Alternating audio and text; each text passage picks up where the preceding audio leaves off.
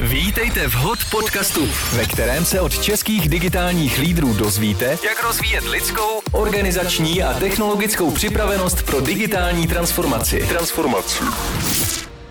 Pokud chcete podpořit digitalizaci vaší firmy, ozvěte se mi a pobavíme se o možnostech, které nabízím já i projekt DigiSkills, který podporuje tento podcast.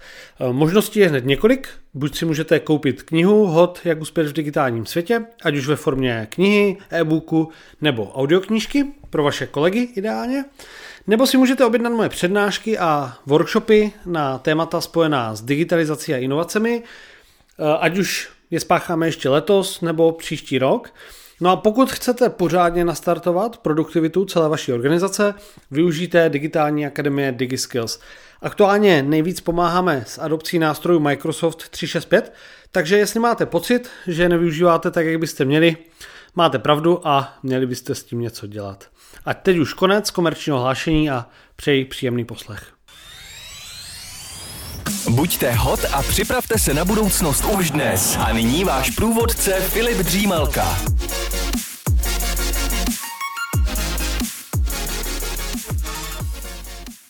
Dobrý den, eh, vážení posluchači.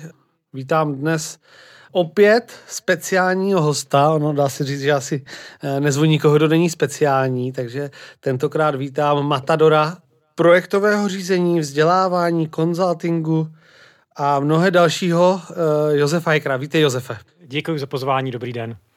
Já bych tě poprosil, jestli by se mohl posluchačům představit a možná provést je trochu tou tvojí kariérní cestou a jak ses dostal do té, do té role, kde seš dnes?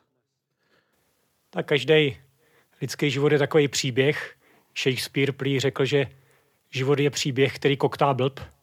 A člověk až zpětně dovozuje, že se setkal s několika situacemi, které vlastně zásadně ovlivnily jeho kariéru.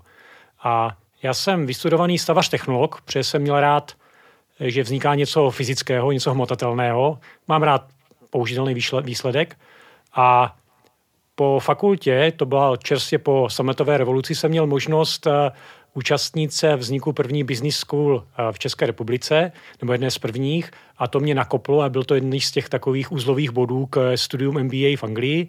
A to mi nesmírně pomohlo, protože v té době eh, ta byť malá výhoda angličtiny a MBA studia znamenala vlastně zásadní výhodu do kariéry. A já jsem od roku 96 působil na podnikatelské fakultě asi 10 let v univerzitním prostředí. Zabýval jsem se právě teoriem a vzdělávání a později efektivitou vzdělávání v onlineu, což mi připadá v dnešní době úplně úsměvné, že i tahle věc se dala studovat a rozebírat v 90. letech.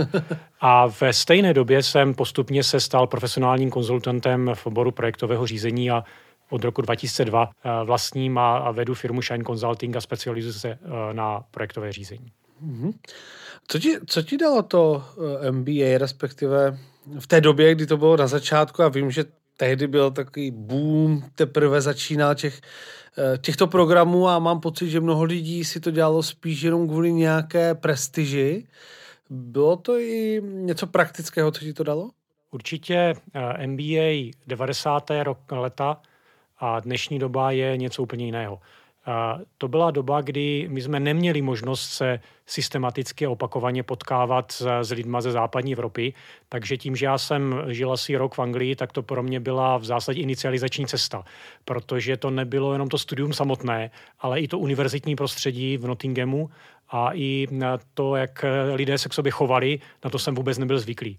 Já jsem potom v MBA programech eh, profesionálně působil, dneska v jednom MBA programu učím a vnímám velký posun eh, v tom, jak to MBA bylo umístěno a vlastně vnímáno dříve a jak je vnímáno dnes. Mm-hmm. Čím se zabýváte? Ve zkratce. My se k tomu budeme dostávat během celého rozhovoru, ale kdybys měl účast eh, posluchačům představit Shine v několika málo větách? Tak představ si logo, které má ve znaku sluníčko a i to anglické slovo shine trošku evokuje tu myšlenku prosvěcovat ty temnoty eh, v projektech a eh, vlastně bránit chaosu. A já mám rád slunce, jsem takový eh, radostný typ, to znamená, naším hlavní úlohou je realizovat projekty, nebo pomáhat našim klientům, aby realizovali projekty s radostí. Mm-hmm. To slovo a ta emoce radost, tu tam máme hodně hodně zvědoměnou. To se mi líbí, protože většinou firmy prodávají produktivitu, efektivitu a občas zapomínají na radost z práce a spolupráce. Tak určitě, určitě všichni to víme, že ta práce nás musí bavit.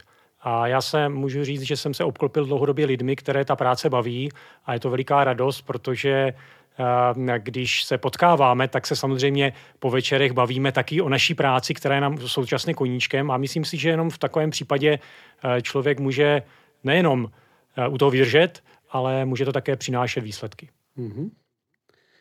Dobře, koncept tady toho podcastu je takový, že se bavíme o třech rovinách práce, spolupráce biznisu, High Humans Organizations Technology. A já bych začal samotnými lidmi. Eh, jaké dovednosti uh, si myslíš, že ti nejvíce pomáhají v tom, abys byl v práci úspěšný? Určitě sociální empatie. Dnešní biznis je velice rychlý a možná nejenom biznis, život je velice rychlý. Je to o obrovské množství kontaktů, eh, vztahů a určitě v biznisu i v životě pomáhá, že člověk dokáže eh, dobře navazovat vztahy a dokáže propojovat lidi. Možná to ne úplně všichni budou rádi slyšet, ale je to pracovitost. Já už jsem to na několika tí podcastech, který s Filipem natočil, slyšel. Bez práce nejsou koláče. Zkrátka neexistuje. Takže to mistrovství těch eh, Gladwellových 10 000 hodin si člověk prostě musí natočit. Teprve potom může mít z té své práce skutečný pocit. A takže pracovitost. A pak bych možná zmínil i určitou kreativitu. Jo, a myslím si, že kreativita, najít řešení, mimořádný přístup, vystoupit z toho obvyklého způsobu uvažování, to si myslím, že je jedna z věcí. A také schopnost a ochota učit se protože to, co jsme třeba v tom zmíněné MBA učili v 90. letech, tak dneska by nestačilo ani ve střední škole. Mm-hmm.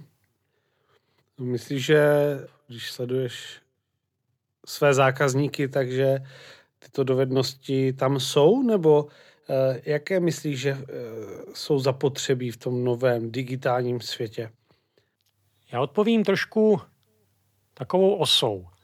Představme si na ose 1 až 10, eh, firmy 0, 1, 2, kde jsou lidé pasivní, eh, v zásadě si jenom hází klacky pod eh, nohy, nikdo nemá zájem nic nového prosadit a v zásadě se nic nového ne, ne, neučí. A na druhé straně máme ty firmy, které začínají na té škále od šestky dál, kde právě ta změna, schopnost rychle inovovat, efektivně inovovat, předávat znalostí, sdílet je, je v zásadě zásadním a dominujícím prvkem té kultury. Takže bych řekl, že ty firmy můžu rozdělit na takové dva klastry hlavní, ty, které jsou spíše na dolní části a ty, které jsou na té horní části.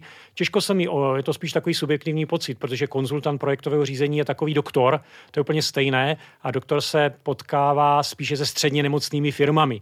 Takže možná, že ta realita je malinko lepší, ale myslím si, že minimálně 50% firm v zásadě se vnitřně nerozvíjí. Mm-hmm. A pokud bychom měli to téma dovedností a znalostí dostat do kontextu projektového řízení, tak co si myslíš, že je nejpalčivějším problémem nebo tou oblastí, na kterou by se dneska firmy měly zaměřit. A nebavíme se jenom o řízení velkých projektů, ale opravdu taková ta každodenní práce, kdy pracují na nějakých aktivitách, na nějakých projektech, tak co, na co by se firmy měly zaměřit? Kdybys se stal ministrem projektů, ministrem hospodářství a měl bys doporučit firmám nějaký rozvoj? Tak předně s projekty je to jako se vzduchem. Jsou všude kolem nás, ale my si často jejich existenci vůbec neuvědomujeme. A já pozoruju dva zásadní problémy nebo výzvy, chceš-li. První věc je kapacitní plánování. Těch změn je takové množství, že firmy neumí zvládnout konflikt mezi možnostmi a mezi příležitostmi. To znamená, obvykle rozjedou více projektů, než mají zdrojů a tím pádem se ty projekty nesmírně spožďují a je z toho blbá nálada. To druhé téma, a to je téma, které mě osobně speciálně zajímá, je oblast motivace. Protože ubývá množství projektů, které se dají dobře promyslet na začátku a pak už je to jenom o, o tom zrealizování. I v té mé dřívější stavařině eh, dneska to není tak, jako že ten celý projekt eh, a dům je vyprojektován do poslední čárky a pak se jenom takzvaně udělá. Eh, dneska je ten svět mnohem více nejistý, agilní a právě schopnost najít to řešení je přímo odvislé od toho, jestli ti lidé chtějí jestli mají to vnitřní, tu vnitřní chtění, tu motivaci. A myslíš, že ta, ta tam chybí? Ano. Ano, je s tím velký problém, protože v každé organizaci je určité procento těch nejschopnějších klíčových lidí, kteří eh, tu firmu táhnou. A pak je poměrně dost lidí, kteří se vezou. Prosím, nevnímejte ten pojem, že se lidé vezou jenom negativně. Mezi nimi je celá řada lidí, kteří by se i přidali, eh, kdyby měli vytvořené podmínky, ale eh, zejména ti tahouni jsou trvale přetížení, eh, na ně se valí nové a nové úkoly, ale organizace neumí spravedlivě ocenit přínos jednoho každého takového člověka. Mm-hmm. My se k tomu dostaneme určitě, ale kdybychom ještě měli uzavřít tu, tu část uh, lidského potenciálu, tak uh, jak se třeba uh, rozvíjíš ty a možná i tvoji kolegové ve firmě? Tak určitě je to dané typologii člověka, je to dané taky jeho kariérou. V každém případě, když budu hovořit sám o sobě, tak já velice rád poslouchám dobré podcasty. Zjistil jsem, že setkávání eh, se s lidmi prostřednictvím rozhovorů, které jsou delší než pět minut, je hrozně fajn, vyhovuje mi to. Čtu knihy. Mm-hmm. Já nechci tady dělat úplně uh, reklamu Tomáši Baránkovi z Melvillu, ale mm-hmm. moje knihovna je v podstatě reklama na Melville. Uh, čtu v průměru jednu knihu měsíčně a Eh, můžu říct, že v těch knížkách jsem našel spoustu zajímavých myšlenek. Za třetí, eh, sdílení v týmu v firmě. To už jsem říkal, my to děláme zcela systematicky a snažíme se mezi sebou šířit eh, informace, znalosti. Vem si to, že hodnota konzultační firmy je vlastně stejná jako takového doktora na projekty. Těmi roky člověk získává zkušenost a ta zkušenost je cená mm-hmm. a tu zkušenost my se snažíme sdílet. A to je asi tak eh, v kostce. A jak to děláte? Děláte to tak, že si třeba sdílíte nějaké články v, v nějakém nástroji nebo opravdu koncepčně si jednou za měsíc sednete a bavíte se o tom? Děláme to tak, že publikujeme. Mm-hmm. Já jsem zjistil, že když máš napsat srozumitelný článek nebo natočit nějaké krátké video, tak si nejdřív musíš pořádně ujasnit, co chceš říct. Takže myslím si, že ta samotná publikační činnost eh, je eh, dobrým nástrojem na sebezlepšování. Eh, děláme každý týden retrospektivy, kdy si sdílíme novinky za uplynulý týden. To bych mimochodem doporučil, kdo jste začali experimentovat nebo používáte agilní práci, tak týdenní zlepšovací retrospektivy jsou velmi dobrým nástrojem. Pak děláme zhruba kvartální, půldenní, my tomu říkáme takové jako nachytřovací workshopy, kde se zaměříme hlouběji do nějakého konkrétního tématu a máme naši knowledge base, kde dlouhodobě sdílíme v IT prostředí všechny články, situace, metodiky, veškeré know-how a to je přístupné v nějaké strukturované formě všem členům týmu. Mm-hmm, perfektní. Já uh, osobně tomu sdílení věřím a nejenom ve smyslu nějakého průběžného nachytřování, ale i opravdu, když je potřeba třeba zavést nějaký nástroj do firmy, tak se díváme na to, kdo v té organizaci ten nástroj umí používat a jenom snaží, se snažíme designovat ten proces, aby tu informaci sdílel. A e, je neuvěřitelný, že v některých firmách říkají, to jsem vůbec neviděl, že tady ta paní opravdu jako je nadšenec do technologií a může učit ostatní. A často si to ani lidé třeba z HR neuvědomují, že stačí nadizajnovat ten proces sdílení. A to nemusí být jenom HR. Eh, v několika firmách to je právě ten lídr, vedoucí nějakého oddělení, který sám designuje tady ty aktivity a podporuje sdílení v rámci svého týmu. Možná, eh, když bychom se zastavili u eh, té tvé organizace, a už se dostaneme, už se dostaneme do té části, kde se bavíme o týmech, tak um, co bude klíčové pro týmy budoucnosti? Co budou muset umět? Jaká nová témata se objevují v té tvojí praxi, když porovnáš poptávky 5, 10, 15 let zpět a, a dnes. Co jsou ta klíčová témata, která, kterými se budou muset týmy, aby byly úspěšné, zabývat? No, kdybych tohle přesně věděl, mm-hmm. Filipe, tak eh, možná by Shine fungoval ještě lépe než teďka, ale to, co je evidentní, že ty změny se dějí stále rychleji. Projektová práce je dnes už manažerská dovednost, to už není role pro nějaké specialisty v organizaci. My zcela běžně školíme bě, eh, řadové zaměstnance, personalisty, uh, liniové manažery v tom, aby se naučili, tak jak si říkal, řídit takové ty malé projekty, takové ty každodenní komplexnější úkoly. A určitě to bude hodně o IT infrastruktuře. A lidé budou fungovat eh, bez ohledu na aktuální koronakrizi eh, virtuálně. To se dělo už eh, řadu let, ten trend přece není úplně nový, akorát on se teďka urychlil. A schopnost rychle najít řešení a to řešení implementovat, otestovat a jít dál. Takže to jsou za mě takové základní, základní prvky toho úspěchu. Firma musí mít strategii a ta strategie musí být hodnotová. Mm-hmm. Takže od dobré vize, dobré mise, jasně definovaných uvěřitelných hodnot teprve odvíjet eh, to, co se skutečně děje. Um, s tím zrychlováním, já jsem někde viděl slide, kde bylo napsáno, vlastně bylo to otočené a nebylo to, že doba bude čím dál rychlejší, ale bylo tam napsáno, už nikdy to nebude tak pomalé, jak dnes. Jo, co to znamená, že to není tak, že by uh, to zpomalovalo naopak, bude se to zrychlovat a ta adaptabilita bude taky klíčová.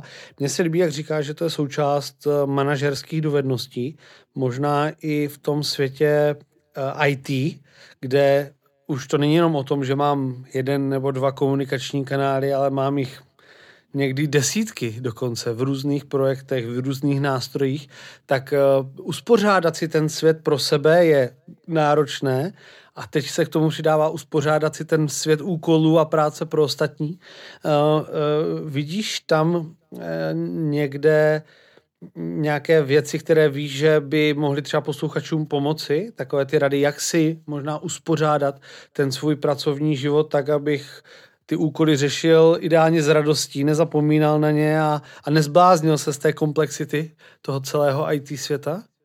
Když když jsme začínali v projektovém řízení, tak jsme se hodně dívali do zahraničí. Okoukávali jsme takové ty, tu dobrou mezinárodní praxi, dívali jsme se na ty robustní IT nástroje, které samozřejmě uh, jsou velmi vhodné, když stavíte elektrárnu nebo vyvíjíte jadernou ponorku. Dneska věřím, že klíč je v používání jednoduchých aplikací, které výborně plní daný účel – a vnímám, že velmi pěkně funguje to, když lidé mají svobodu v tom vybrat si v týmu nástroj, který jim přesně sedne. Protože ambice, že vyvinete jeden vše, všeobjímající tool, který umí úplně všechno a vyhoví všem situacím, samozřejmě takový sen, sen IT světa, tak to nefunguje. A I u nás Shineu jsme se dohodli, že bude jenom v zásadě dvojice nástrojů, které povinně používají všichni a jinak pro individuální zefektivnění práce každý používá to, co mu sedí. Samozřejmě sdílíme a povídáme mm-hmm. si o tom, ale je tam ta svoboda. Jak se to pak dává dohromady s tím, že, že třeba mám v týmu i lidi, kteří třeba mají jiné preference v těch nástrojích. Jak třeba s tím vypracujete? A možná nejenom o nástrojích, o aplikacích, ale i to, že třeba každý má trošku jiné preference, co se týče ono, ono, onoho řízení projektu. Jak pracujete s tou diverzitou? Tak tím, že my jsme firma, která má zhruba 15 lidí a kolem ní je navázaných asi dalších 10 lidí, takže nejsme obrovská firma, jsme relativně malá znalostní společnost, tak eh, byť jsme malí, tak tím, že máme různé typy lidí, tak můžeme vybrat vhodného člověka pro to dané prostředí. Jak se říká, člověka najímáme pro to, co umí, ale propouštíme ho za to, jaký je. Takže klíčem úspěchu je vybrat vhodného konzultanta s určitým stylem řízení pro vhodného klienta. Mm-hmm. Vem si to tak, úplně jiný způsob řízení projektu bude ve Škoda Auto a jiný způsob řízení projektu bude v nějaké svobodné firmě. Mm. A někde není možné jít s kanónem na vrabce a někde naopak právě eh, příliš jednoduchý přístup může znamenat, že to řešení se vůbec neuchytí, ty lidi ho nepoberou. Mm. A co, co vy sami děláte a funguje vám to natolik, že se to snažíte dostávat eh, ke klientům? Tak já bych zmínil dva principy. První princip jsou myšlenkové mapy. Mm-hmm. My jsme je začali masově používat od roku 2004 a v podstatě ten systém myšlenkových map eh, máme dneska prorostlý celou firmu. A je to mimochodem jedna z těch dvou eh, povinných aplikací, které musí mít nainstalované na počítačích každý zaměstnanec a eh, partner Shineu. A my v těch myšlenkových mapách máme uskladněné know-how, my v myšlenkových mapách máme napsané metodiky projektového řízení pro naše klienty. Já v tom píšu články, protože jsem zjistil, že se výborně strukturují myšlenky. Dělám si výpisky z knih mm-hmm. pomocí myšlenkových map a toto je třeba jedna z věcí, kterou bych mohl doporučit do reálné praxe, je to poměrně jednoduché zavést. A ta druhá věc je sdílení motivačního systému. Protože já jsem zjistil, že největší motivací pro člena týmu je věrohodná pochvala od jeho kolegy. Mm-hmm. A my jsme akorát tady tuto původní myšlenku posunuli hodně dál. Já věřím, že peníze můžou fungovat velmi dobře jako motivace, mm-hmm. ale za předpokladu, že jsou spravedlivě rozděleny. Mm-hmm. A tady, když se bavíme o té vnější a vnitřní motivaci, obvyklé téma mm-hmm. všech HR konferencí, tak eh, Totiž spravedlivě rozdělený projektový bonus je nejenom ten benzín, mm-hmm. na mhm. který ten člověk si potom koupí věci a může žít spokojenější život a nemusí řešit třeba hypotéku, mm-hmm. ale je to výraz ocenění od ostatních členů toho tím týmem. Takže vrátím se k věci, která se mně osobně velmi mm-hmm. osvědčila a to je ten uh, druhý povinný, je náš kreditní systém. A my fungujeme na principu, že lidé se navzájem oceňují, ale toto ocenění si zaznamenají a my proto máme vytvořenou speciální cloudovou aplikaci, ale teďka dávají dobrý pozor. To ocenění je také použito k rozdělování projektových bonusů. A to způsobem, že se oddělí množství hodin, který ně, něčemu někdo věnoval, od množství peněz, které dostane. Jak to funguje v, obvyk, v obvyklé projektové práci? Někdo pracuje na projektu a vykazuje hodiny. Ale protože ta odměna se nejčastěji odvozuje od množství času, který něčemu věnoval, tak samozřejmě ten daný člověk nemá žádnou motivaci, aby něco udělal rychleji, aby to udělal líp, nebo dokonce, aby někomu pomáhal. A my jsme vymysleli princip, kdy sice čas nás zajímá, ale současně ten výsledek je součin času role, protože když člověk pracuje v odpovědnější roli, tak za jednotku času získá více kreditů, jak my tomu říkáme, ale také důležitosti. Když děláš nějakou práci pro top management, tak samozřejmě důležitost této akce je vyšší než třeba tě, nějaká jiná práce. A pak je tam ještě jeden parametr, a to je užitečnost. A ta užitečnost, ta je posouzena ne vedoucím, ale ta je posuzována každé pondělí u nás ve firmě ostatními členy týmu.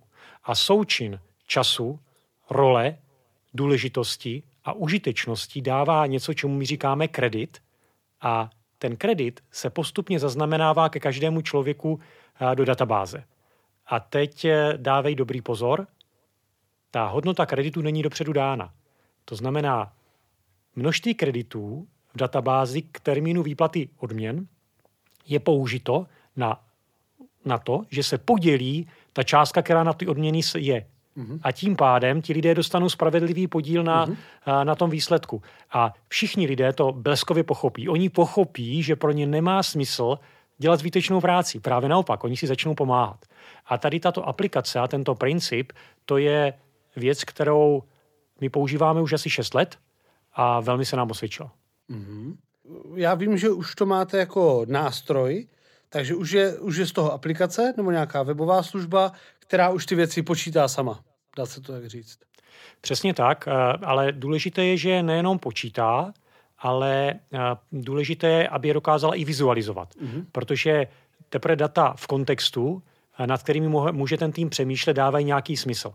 My jsme původně chtěli vizualizaci dat eh, naprogramovat do této cloudové aplikace, ale pak jsem se seznámil s jedním pěkným eh, nástrojem Business Intelligence a my jsme ho propojili a dneska jsme k tomu ještě přidali finanční údaje a vizualizujeme data pomocí specializovaného nástroje. Mm-hmm.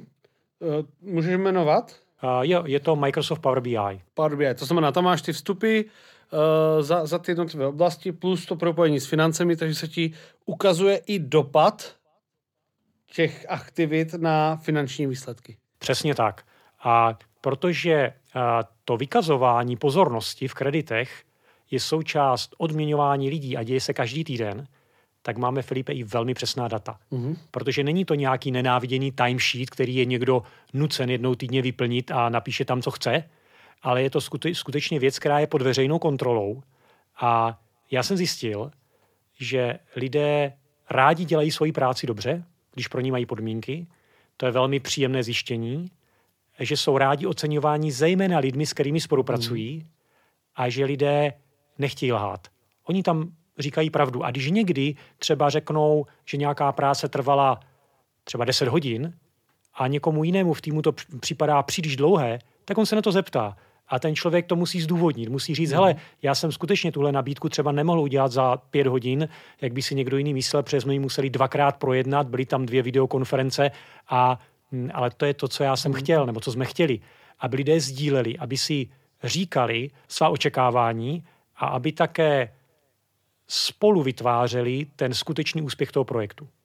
Mně se, mně se to líbí eh, ze dvou hledisek. To první je, že já, eh, protože vlastně jsem dělal dlouhou dobu consulting a teď se zase k němu eh, vracím svým způsobem, tak jsem vždycky říkal, že platba za hodinovou sazbu je trest za vysokou produktivitu.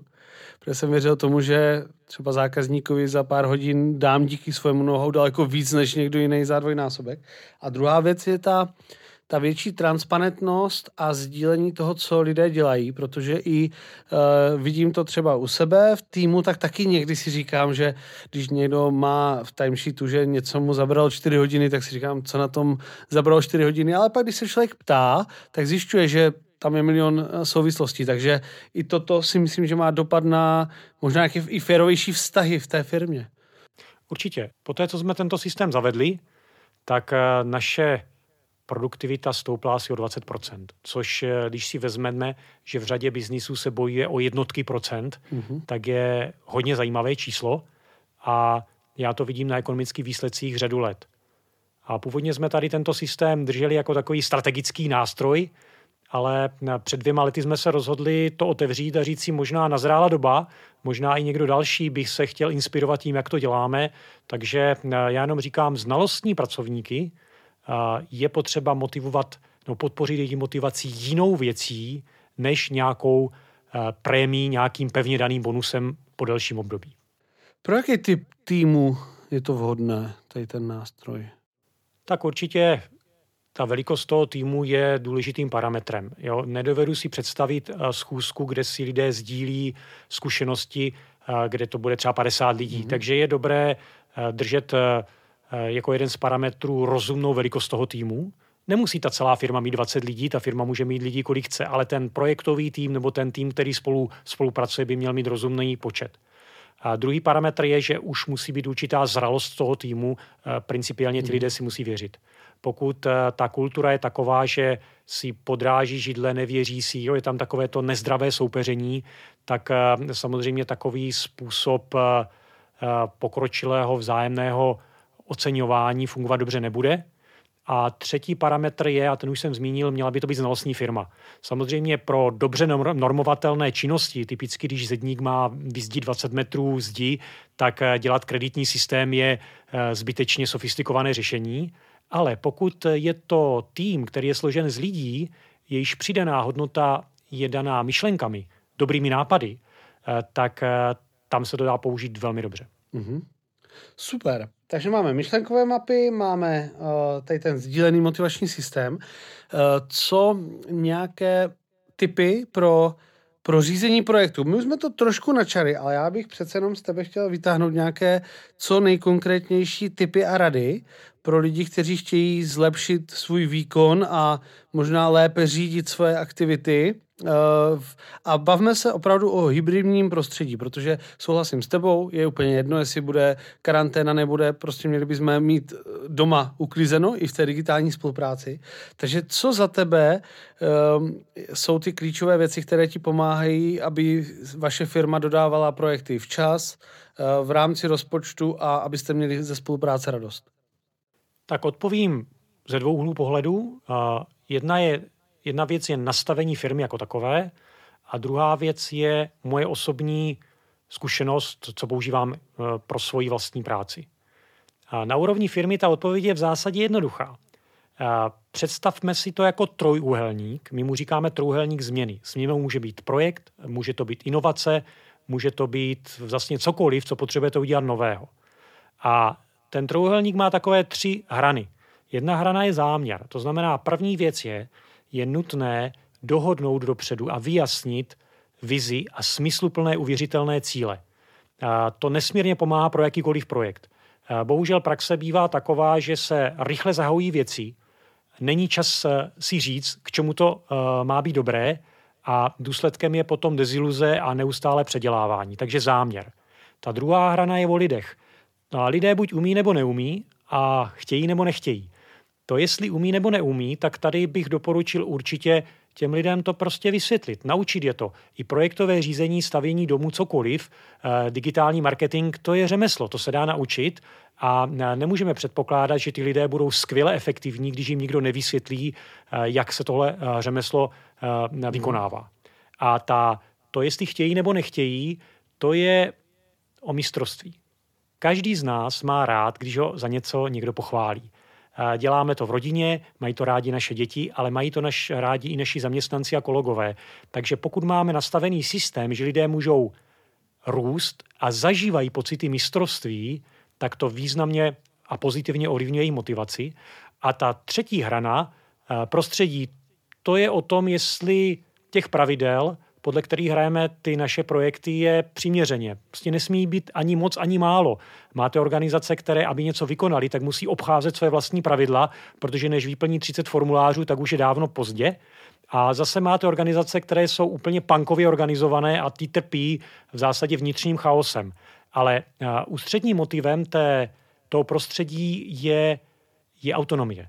Aby každý člověk mohl v té dané roli skutečně konat, aby se nemusel bát. Mm-hmm. Takže tyto tři věci, pokud se vám podaří nastavit na úrovni organizace, tak se vám projekty rozhodně začnou lépe dařit.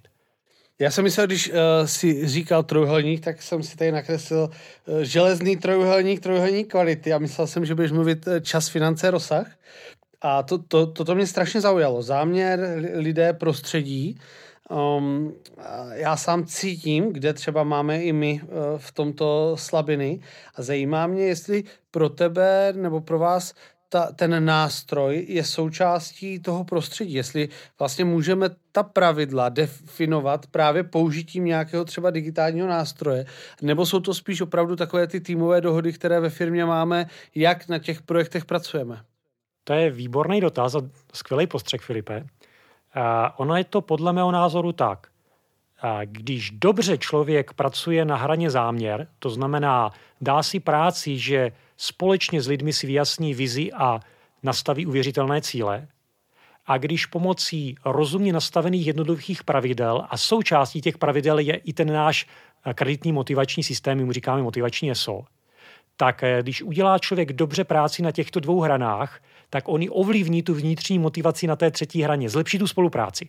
Takže ono k, je to tak, že k motivaci se člověk musí dostat tak, bych řekl, nepřímo. Mm-hmm. Že nemůžeš říct, buďte motivováni, nařídit mm-hmm. to jako směrnici. Ale když dobře pracuješ na záměrech a když máš dobře nastavené prostředí a odměňování a oceňování lidí, tak, ti, eh, tak ta hra na lidé se zlepší. Mm, dobře, takže toto je to nastavení firmy a potom to tvoje osobní nastavení. Tak moje takové životní moto je pracuji, abych se učil. Já jsem zjistil, že je efektivní a vyhovuje mi dělat věci, jak nejlépe dovedu. Ono je to mimochodem jedno ze čtyřech tolteckých pravidel víc známé divadlo mm-hmm. Jaroslava Duška. My tady tohle pravidlo používáme, já ho používám velmi důsledně. Všichni víme, že když něco člověk dělá, tak to může takzvaně poflikovat, aby to měl na první dobrou hotové, ale ví, že když tu danou věc bude dělat znovu, tak takhle narychlo spíchnutá věc se nedá použít a musí začít znovu. A já jsem si ověřil, že pro mě je výhodné dělat ty věci tak, že nejdříve si řeknu, je naděje, že tu danou práci budu ještě někdy používat? Pokud ano, tak pak já dělám ten produkt kvalitněji, než bylo v dané chvíli nezbytně nutné. Proč? Abych si vytvořil takový podkladek, základ, my tomu ve firmě říkáme prašanony, jo, že máme takový praotec, prašanon, podkladek pro uh, opakovaně používanou práci, a toto máme v naší databázi, toto já mám na svém počítači, takže já když něco dělám, tak se vždycky podívám do své znalostní báze a používám věci, které jsem už připravil kvalitně dříve. Takže to, to můžou být nějaké šablony textů, cenových nabídek a podobné věci. Naprosto cokoliv. Člověk podobně jako v jazyce zjistí, že 90% těch elementů se opakuje. A ta krása je v tom umět kombinovat ty opakovaně používané elementy, samozřejmě do nového, do nového celku, protože velmi málo kdy člověk může udělat, jak se říká, copy-paste. Musí si na to dávat pozor. Například v naší databázi firmní je veškerá tady ty, veškeré ty podklady jsou kompletně oproštěné od log klientů, jejich názvů, jo, protože i kdyby vám unikl nějaký takový podkladek, mm. kde bude napsané firma XYZ, tak když unikne XYZ, tak to asi nevadí tak, jak kdyby jste poslali do jednoho telekomunikačního operátora logo jiného mm. telekomunikačního operátora. Ale toto je jedna z, ze zásad, které mě osobně se nesmírně ošet, osvědčily. A druhá věc je, když používám nějaký IT nástroj, tak se ho snažím opravdu, ale opravdu dobře zvládnout. Protože ta přidaná hodnota toho nástroje začíná až ve chvíli, kdy vám ten tool nepřekáží, kdy vám pomáhá. Povrchní znalost nástrojů eh, většinou vede k tomu, že člověk eh, ty věci dělá daleko méně efektivně, než by mohl. To už jsou ty zmyšlené myšlenkové mapy. Nebo když dneska hodně trénujeme, my používáme pro trénování Zoom, a tak když ten Zoom člověk naučí se velmi dobře, tak najednou zjistí, že jsou tam zákoutí, o kterých eh, jsme vůbec netušili, že jsou možná. Uh-huh. Uh, já souhlasím s tím tvořit věci, aby byly uh, opakovatelně použitelné. A třeba já jsem uh, to začal dělat uh, třeba se svými prezentacemi. A pamatuju si, jak jsem vždycky každou prezentaci dával logo klienta, pak jsem Eh, už dával jenom název a dneska řekl bych, že 99% je vlastně podobných a jenom opravdu třeba na první slide to dám, protože když vím, že ten poskládám, nemusím na to myslet. Nemusím myslet, že tam mám někde uh, na, na pozadí jméno toho klienta, který musím na slidech 60 až 70 vyměnit. Takže určitě toto to, to doporučuji a uh, není špatné jednou za čas si udělat úklid, udělat si takový workshop interní a opravdu ty věci poskládat tak, aby lidé věděli, kde co najdou, uh, uměli to používat a udělali si tady ty prašanony, šablony, nebo uh, jak, jak, jak se to nazývá, nebo jak to každý ty nazývá. Takže toto určitě doporučuji. Um, kdybychom se eh, měli ještě trošku vrátit k tomu, těm organizacím nebo týmům budoucnosti, tak co, co bys firmám doporučil, aby zvýšili tu svoji flexibilitu a vůbec, že dneska jsou ty témata digitální spolupráce, hybridní spolupráce, inovace, agilita. Tak co ty, třeba kdyby se stal teďka CEO nějaké velké organizace, co bys začal dělat, abys tyto témata podpořil? V každém případě je to kulturní změna. Já jsem si před časem udělal takovou, takový pohled do oblasti motivace kdy vznikly vlastně výzkumy, které jsou dneska zaváděny do praxe. A ke svému velkému překvapení jsem zjistil, že spousta věcí, které dneska se stávají teprve mainstreamem, mm-hmm. tak byla vyskoumána už třeba před 30-40 lety. Eh, je velká setrvačnost myšlení lidí. A mimochodem, krásná knížka Faktomluva, tam mluví, mluví naprosto jasně. Lidé dneska stále věří tomu, co se naučili před 30 eh, lety, když byli na základní škole. A bohužel stejným věcem věří i vrcholoví manažeři. Takže v, prvné, v první eh, řadě je potřeba opustit představu, že hierarchicky řízená organizace bude úspěšná v digitální době. Stoprocentně je nutné mít eh, někoho, to může být jednotlivec nebo úzký tým, který dává té eh, organizaci základní směr. Určitě. Musí být kapitán na můstku. Ale současně eh, ta organizace musí být skutečně velmi plochá, co se týče organizační struktury. A spíše je to množina týmů, které spolupracují na základě spojování, výměny zkušeností, hledání optimálního řešení a spolu zodpovědností za výsledek. Takže jestliže úzké vrcholové vedení udává směr, tak eh, lidé dole musí samostatně konat. Uh-huh. Je na to mimochodem i kybernetický zákon, uh-huh. který prokazuje, že není možné eh, procesem měnící prostředí řídit hierarchickou strukturou. No a co by byly teda ty konkrétní akce, které bys udělal? Je to kulturní změna, to znamená, že asi buď sploštit organizaci, ale co bys udělal třeba opravdu i z toho krátkodobého hlediska, protože víme, že velké kulturní transformační projekty zaberou nějaký čas, tak co bys udělal z toho krátkodobého hlediska, abys podpořil digitalizaci, inovace, agilitu? Eh, mám jednu radu. Ta je tak jednoduchá, až mě překvapuje, že jí tak málo organizací je schopna prosadit. Je to rytmus. Je to úplně stejné, jak když si čistíme zuby. Jak když se naše děti učí čistit zuby. A čistit zuby se naučíme čistě opakováním. Takže eh, prosadil bych rytmus práce. Když tvoříte strategii, i to může mít v rytmu. I když jste v krizovém řízení, pokud to není vyloženě, že jste na lodi, do které teče takovým způsobem, že může být za dvě hodiny pod vodou, mm-hmm. tak eh, nastavit eh, pravidelný měsíční cyklus pro klíčové porady, nastavit pravidelný týdenní cyklus pro zadávání a kontrolu úkolů, nedělat v tom výjimky, tak samo o sobě je velkým přínosem pro zvýšení efektivity. Příklad. Eh, my, eh, myslím Shine Consulting, neprodáváme pondělky. My v žádné pondělí, nebo téměř žádné pondělí, nikdo z našich konzultantů nechodí k našim klientům. My pondělí máme na to, aby jsme se sesynchronizovali, aby jsme pořádně zjistili, na čem děláme a proč, abychom se připravili a abychom například naplánovali kvalitně naše, naše projekty. To si myslím, že je jedna z rad, která, kterou bych já určitě v pozici nového CEO uh, eh, prosazoval. Super. Uh, mně se to hodně líbí a e, já teď hm, vlastně nevědomky trochu jsem podobný e, způsob práce začal prosazovat u svých klientů, kde konzultuji, kde e, máme v několika projektech vytvořený, my tomu říkáme digitální board, to znamená pár lidí, kteří mají na starosti digitalizaci nebo digitální transformaci. A v několika případech se nám stávalo, že jsem zjistil, že vlastně už se po několikáté bavíme o nějaké věci, o nějaké aplikaci, o nějakém systému, na kterém se musí začít pracovat a že až začíná, začíná fungovat až to, když si řekneme tak, a teď se budeme každý měsíc scházet, budou se prezentovat ty postupy a opravdu zadá se práce s kontem. Takže taková jednoduchá věc, ale jakmile tam, eh, že jo, ta, ta digitalizace často jde napříč odděleními a jak tam nebyl ten jeden konkrétní člověk, který to měl na starosti, tak se vždycky ta odpovědnost tak nějak roz, rozplynula, takže pak jsme se bavili po dvou měsících a vlastně nic, nic se nestalo. Takže ten rytmus pomáhá i když, nebo zvláště mě v momentě, kdy tam není jasněná odpovědnost a kdy ty projekty jdou napříč celou firmou. Eh, přesně tak. Dneska je hodně populární slovo agilita.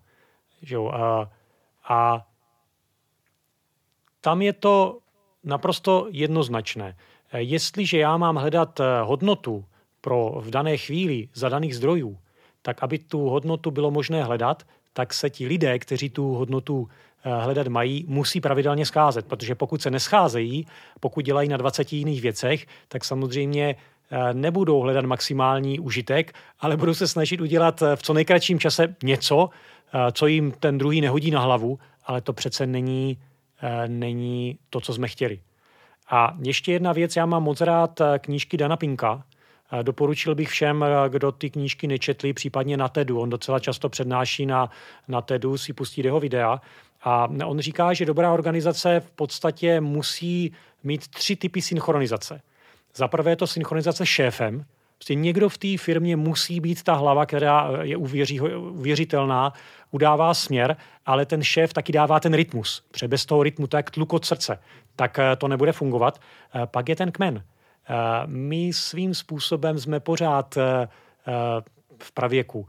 My jsme vyrostli v kmenech, to znamená, člověk chce patřit k nějakému kmeni, takže podporovat ty kmenové rituály, kmenové oceňování, kmenové situace je důležité a pak samozřejmě srdcem.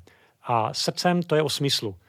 Nikdo z nás nebude dlouhodobě pracovat ve firmě, kde nebude věřit tomu produktu a nebude věřit, že to, co ta firma dělá, je nějakým způsobem užitečné. Mm-hmm, super. Perfektní, díky moc. Dostáváme se do třetí části a to jsou technologie.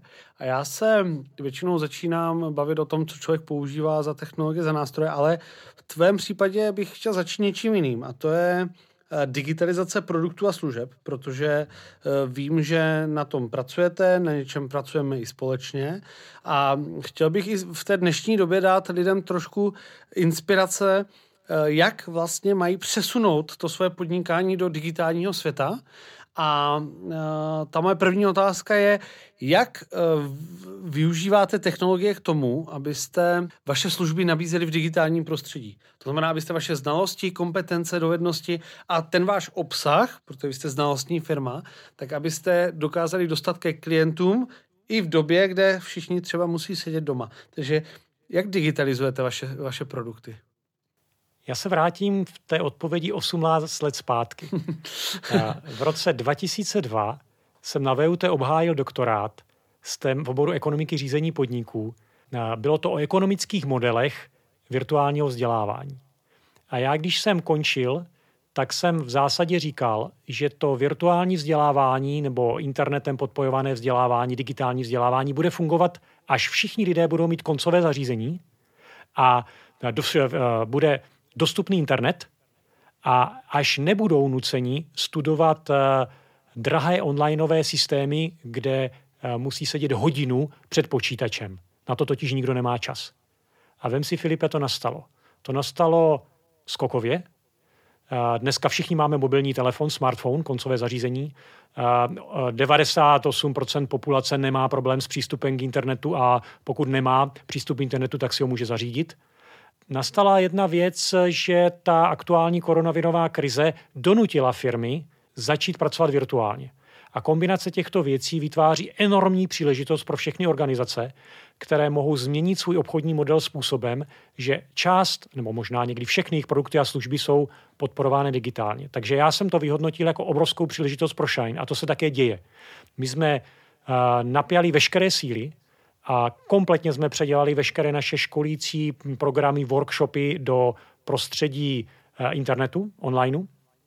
A začali jsme používat tvůj koncept microlearningu. Toto mě nesmírně sedlo. Já jsem pochopil, že lidé se rádi učí virtuálně, ale rádi se učí v krátkých časových úsecích. Takové to tříminutové video, přečíst si článek. Vemte si, že na LinkedIn nejúspěšnější články jsou ty, které si člověk může přečíst za tři minuty.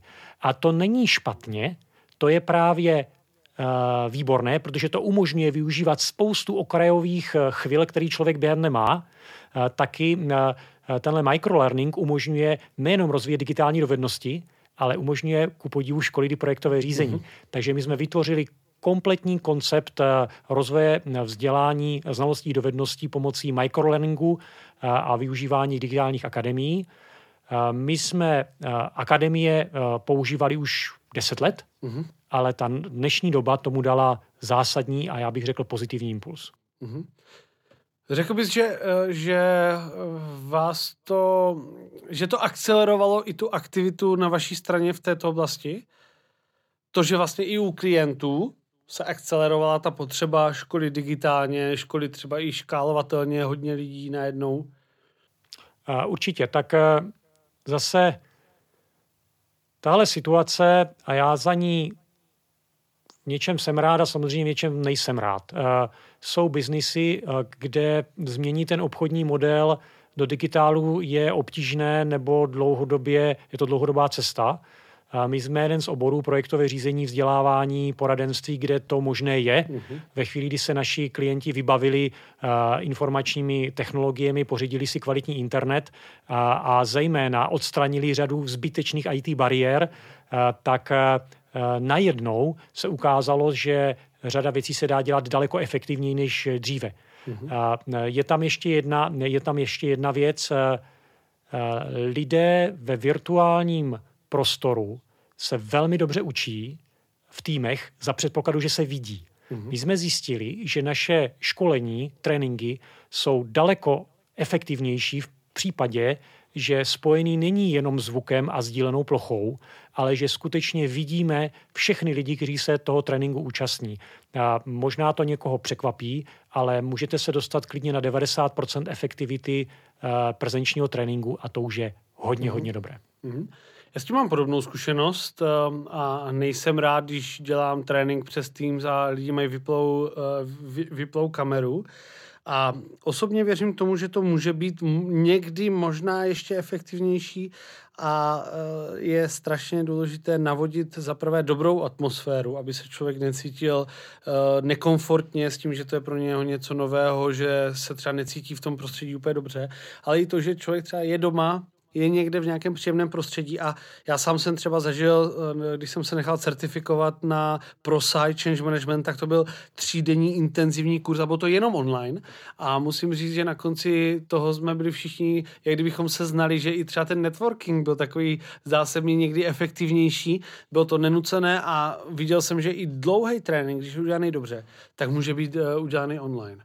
A uh, jedna možná otázka je, jak třeba vypracujete s tím eh, frontálním předáváním eh, znalostí versus to, že ten člověk musí nějak pracovat a dělat nějaké úkoly. Máte to integrované v těch vašich eh, akademiích a, a, a vzdělávacích aktivitách? Já si myslím, že to je nezbytné. A ono to je trošku v genomu naší firmy z toho důvodu, že my jsme vyrostli na zážitkové pedagogice. Já jsem původem Brňák a 15 let jsem byl jeden z lidí, kteří tady vedli poměrně velkou komunitu v oblasti zážitkové pedagogiky. A tam jsem pochopil, že teprve eh, hra, interaktní, interakce, eh, sdílení, tak pomáhá v učení. To znamená, všechny tréninky, ať už jsou prezenční nebo online, podle mého názoru musí být interaktivní a ten poměr mezi, jak jsi říkal, frontální výukou, že třeba člověk něco kreslí na flipchart nebo na nějakou sdílenou plochu nebo něco promítá, tak eh, by měl být tak 20%. A v tom onlineu, a to je taky kousíček odpověď na cenu onlineu, eh, to musí být eh, ještě Eh, ještě důslednější.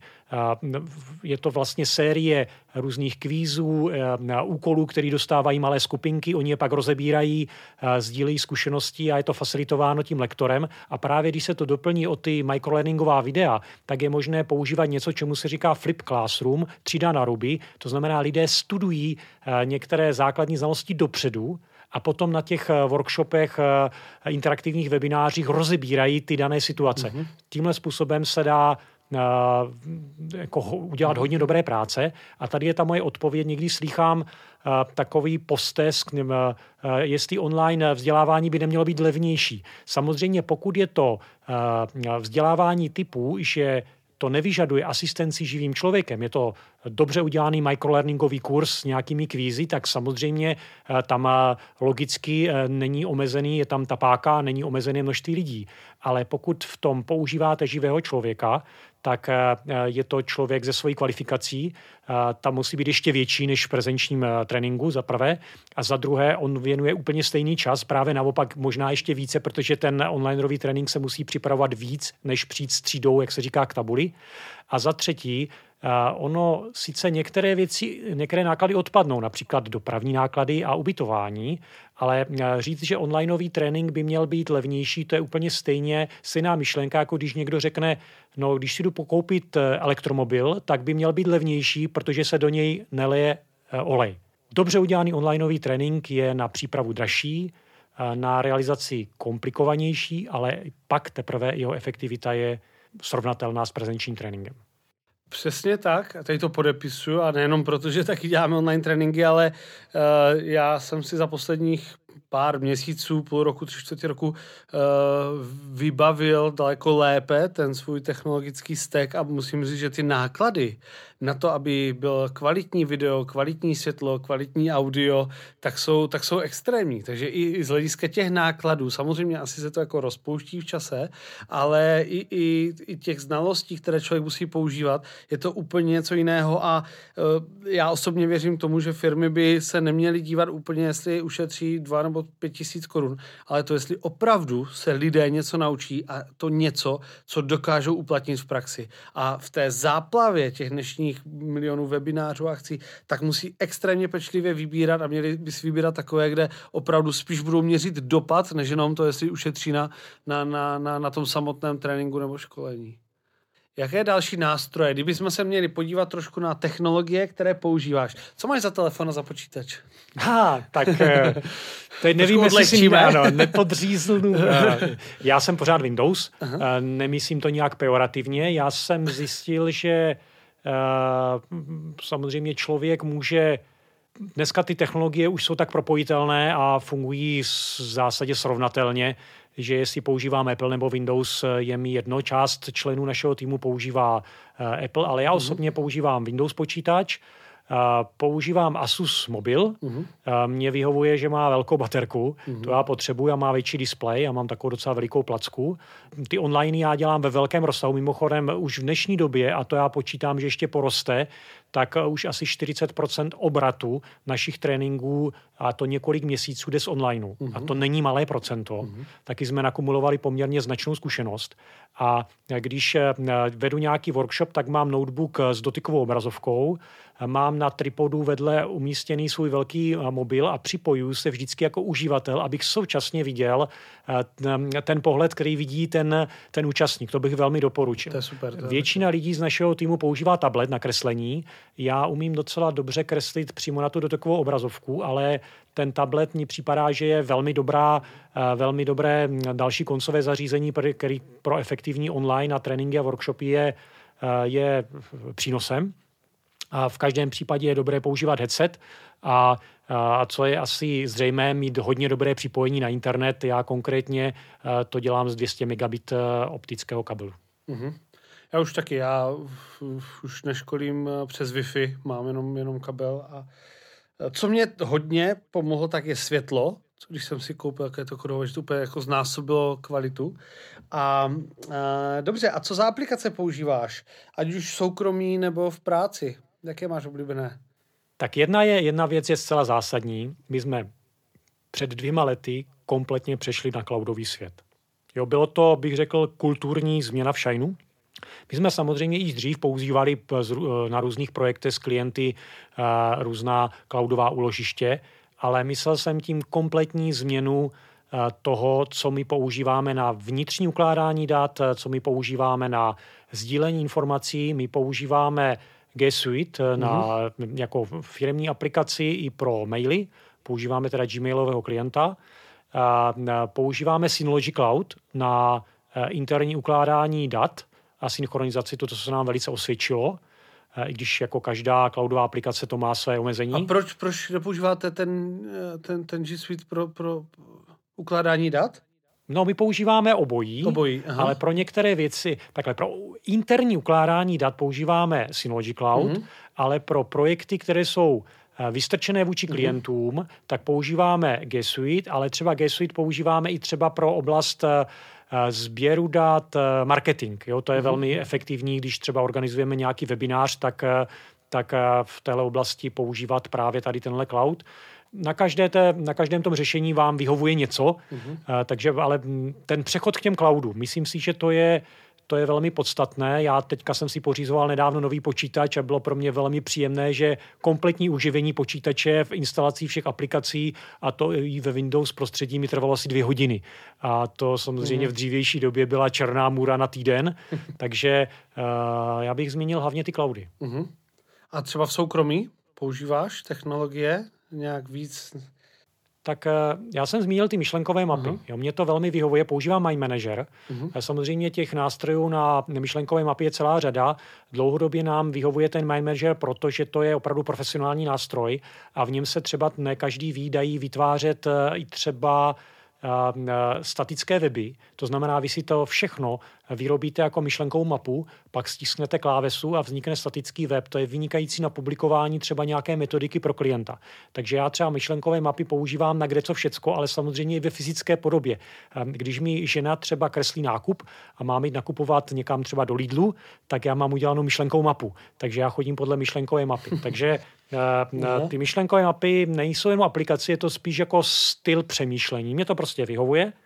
A mm-hmm. co se týče dalších aplikací, tak jsou to běžné, běžné Windowsovské aplikace, jo, s, s kterými eh, se potkáte. Eh, na mobilu mám samozřejmě spoustu různých drobných udělátek. Mm-hmm. Nevím, kterou bych teďka vyzvedl. Ne, jenom jestli je třeba nějaká, která, kterou víš, že vždy doporučuješ známým, nebo bez které si nedokážeš představit život. Uh, nemusí být, jenom, jenom jestli nemáš náhodou nějakou takovou která by stála za, za, uh, za sdílení? Je jich, je jich celá řada, ale jako kdybych měl říct takovou jednu zázračnou, tak uh, tu teďka nemám. Dobře. Tak, poslední věc. Zajímá mě, kde tě mohou lidé sledovat, kde mohou čerpat tvoje know-how a, a jaké případně služby si od vás můžou nakoupit. Teď to může být úplná reklama. Doteď jsem chtěl eh, z tebe nasát co nejvíc know-how pro posluchače a teďka, si, teďka můžu udělat reklamu a promo na, na vaše know-how. Ať už, jsou, ať už je to váš blog, který určitě zmíň, ať už jsou to vaše služby, takže... Tak eh, Shine Consulting, 25 let praxe v řízení projektů změn inovací. My děláme věci s radostí a dáme si práci, eh, tak jako dobrá zakázková výroba, aby skutečně jsme našli řešení pro vás, které vám rychle uloví, uh, uleví. To je první věc. Uh, kde se se mnou můžou lidé spotkat? Já, jak jsem říkal, rád čtu a rád publikuju, takže uh, řadu let provozujeme vlastní blog, jmenuje se Jak na změnu CZ, ten je přímo na našich webových stránkách a ze sociálních sítí je to LinkedIn stránka, ať už Shineu nebo moje vlastní. Tam už asi deset let publikuju různé články na téma úvahy, na téma projektové řízení, změny, inovace, motivace lidí v digitální době. Takže a nepublikuji jenom já, samozřejmě publikují další lidé z našeho týmu a případně na nějakých podcastech. Hmm, perfektní. Josefe, eh, díky moc eh, za tvůj čas. Ostatním určitě doporučuji sledovat eh, ať už blog nebo, nebo webovky Shineu. Případně pokud máte zájem, eh, Shine a DigiSkills mají vlastně společné aktivity, takže pokud eh, patříte mezi zákazníky DigiSkills, tak si můžete eh, spustit i kurzy Shineu pro vaše klienty, takže určitě doporučuji buď obrátit se přímo na Shine nebo na nás. Josef, ještě jednou díky za, za tvůj čas a budu se těšit někdy zase naslyšenou. Filip, já ti moc děkuji za pozvání a naslyšenou.